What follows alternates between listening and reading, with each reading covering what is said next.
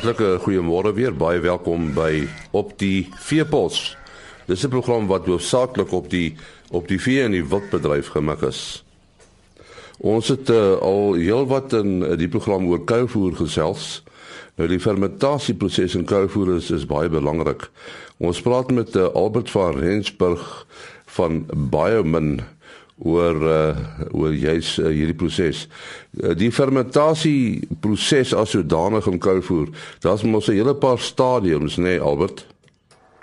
Ja, gewoonlik deur ons die fermentasie proses in of die kuivoerproses in 4 uh fases. Die eerste een is nou maar die respirasiefase. So dis die fase waar tydens jy nog besig is om die banker te vul en te sny Dan kom ons by die tweede fase is die fermentasiefase waar die kuilvoer reeds in die banker is. En dan word hy opgevolg deur die stabiele fase ook in die banker waar die kuilvoer reeds stabiel moet wees uh, en nie kan agteruit gaan nie. En dan die heel belangrike ene ook en dis waar baie verliese plaasvind dis die laaste fase wat ons sê is die uitlaai fase sodra die hoe dan die banker oopmaak en die kuilvoer begin uitvoer na die diere So rolweg is dit die vier fases ehm um, waarna ons kyk en dit is baie belangrik dat 'n mens met kennis dra van wat in elkeen van hierdie fases gebeur uh want met die kuilvoer maakproses van daar baie verliese plaas en om die proses te verstaan gee vir jou die agtergrond oor hoe jy die verliese beperk tot jou eie voordeel. Nou, hoe lank nadat jy die die kuilvoer gemaak het, kan jy uh, begin uitlaai weer? Ja, die vraag kry ons baie en daar's baie kere uh, mense wat sê jy kan hom binne 2 weke uitlaai. Ons verkies om te gaan nie na 3 na 4 weke toe om die kuilvoer toe te laat om eers die stabiele fase te bereik. Want sodra jy begin uithaal en jy nog nie stabiele fase bereik nie, gaan daardie kuilvoer nie hou nie. Sodra jy die banker gaan oopmaak, gaan die kuilvoer warm word want die pH is nog nie laag genoeg nie en uiteindelik gaan die rantsoene waarin jy die kuilvoer sit, gaan ook warm word. En dit skep 'n probleem met voerinname veral ook in die warm somermaande. So 'n riglyn vir my is hier na 3 na 4 weke die minimum om toe te laat dat die kuilvoer eers stabiliseer. Ja, jy praat van die pH. 'n Lae pH is eintlik kardinaal belangrik, nê? Nee? Ja, dis van die heel eerste belangrikste mikpunte met die maak van kuilvoer uh, om pH so gou as moontlik uh, onder 4 te kry. 4 of laer en die rede daarvoor is dat wanneer jy kuilvoer sny, daar's baie natuurlike bakterieë wat op die plant voorkom en sodra jy die kuilvoer sny, begin hierdie bakterieë in 'n in 'n proses ingaan van fermentasie. Maar baie van hulle is eintlik half as ons kan sê skadelik wat die fermentasieproses in 'n verkeerde rigting kan stuur en baie voedingsverliese veroorsaak en ook die smaaklikheid van kuilvoer kan beïnvloed. Maar baie van hierdie wat ons nie soek nie is bakterieë en muf en swamme is baie pH sensitief. Met ander woorde, hoe laer en vinniger jy die pH kan afkry, hoe vinniger kan jy enige verliese stop as ook die respirasieverliese wat voorkom in die beginfase van die kuilvoer wat van die werking van die plantselle self is. So die pH is die dryfkrag om kuilvoer so gou as moontlik soos ons het te stabiliseer en in die regte rigting in te druk uh, tot jou eie voordeel. Uh wat watter rol speel die die tipe plantmateriaal wat jy gebruik om kuilvoer te maak? Basies kan mens van enige groen plantmateriaal kuilvoer maak. Daar's 'n paar beginsels. Die een is die voginhoud. Ons moet ten minste daar kyk dat ons nie 'n voginhoud van hoër as 30% het nie dan gaan die kuilvoer proses na 'n bottersuurfermentasie toe wat 'n baie onsmaaklike kuilvoer is. Maar as mens byvoorbeeld gaan kyk na mielies wat 'n baie algemene gewas is wat gekuil word teenoor lucerne of grasse, die groot verskil tussen die twee is dat die graangewasse soos mielies het 'n baie hoë suiker en styselinhoud wat baie maklik die fermentasieproses aanhelp in vergelyking met peelgewasse soos lucerne en grasse wat dit nie het nie. En waar jy kuilvoer maak van die twee verskillende gewasse is daar twee verskillende beginsels wat 'n mens moet volg. By mieliekuilvoer weet ons daar's genoeg suikers Maar ons sodra jy die banker oopmaak, die uitlaai fase, is hierdie gewas uh, geneig om baie vinnig agteruit te gaan. Hulle begin warm word as gevolg van 'n klomp residuele suikers wat oorbly na die fermentasieproses. En dis net die teenoorgestelde met teelgewasse en grasse. In die begin sukkel jy weer om hulle pH laag te kry want hulle het 'n baie hoë proteïninhoud en 'n lae suikerinhoud. En is die beginsel dan daar waar 'n mens gaan kyk in die kuilvoermaakproses is om van bakteriese inokulante gebruik te maak wat twee verskillende doele het. By wieliekuilvoer veral om te beskerm wanneer jy die banker oopmaak en by veelgewasse en grasse veral gefokus in die beginfase om die pH so laag as moontlik te kry en so vinnig as moontlik te kry. Hoekom uh, speel kompaksie eh, so 'n belangrike rol? Ja, kompaksie is een van die belangrikste beginsels uh die rede hoekom ons kuilvoer kompakteer kuilvoer is 'n proses wat geskied in die afwesigheid van suurstof en om die plantmateriaal te kompakteer is 'n manier om die suurstof in die lug uit die kuilvoer te kry. En so vinnig as wat jy die, die suurstof uit die kuilvoer kan kry, hoe vinniger kan die bakterie begin werk want hulle werk in die afwesigheid van suurstof om die pH so gou as moontlik af te druk.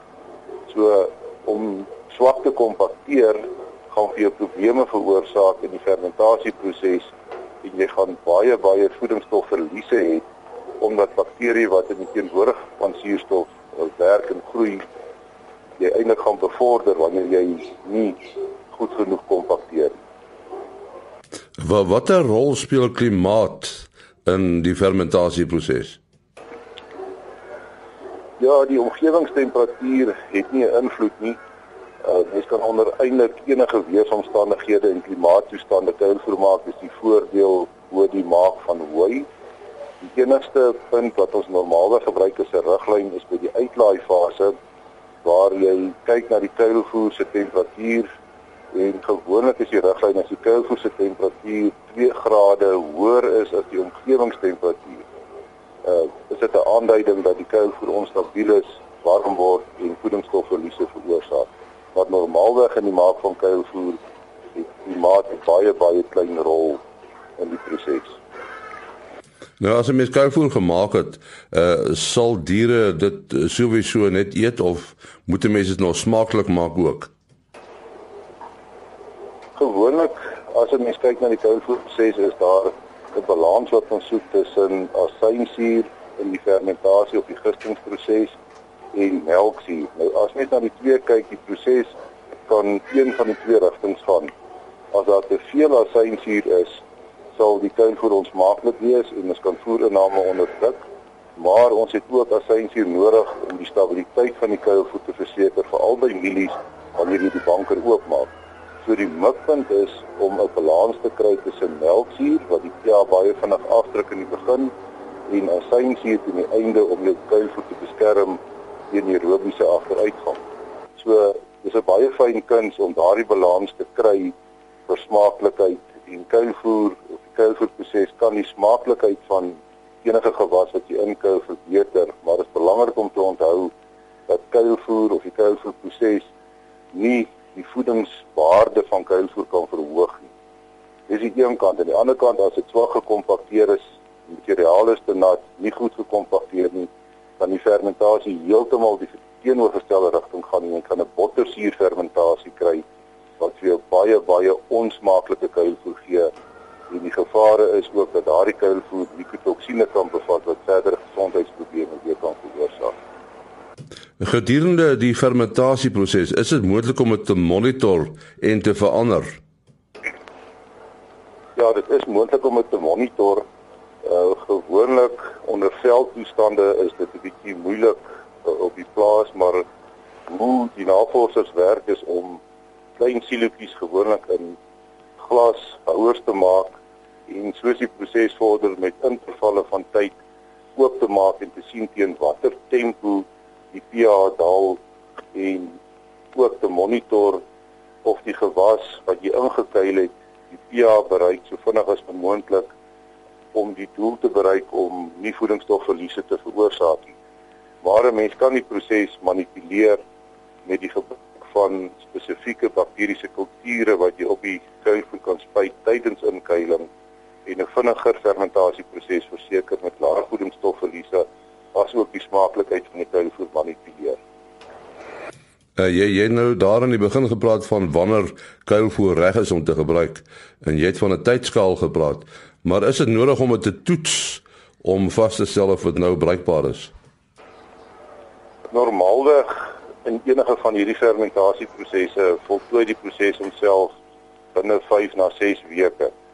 Ehm uh, teen die einde sal 'n mens kyk na wat is die hoeveelheid uh uh vlugtige vetsure wat gevorm is in die proses.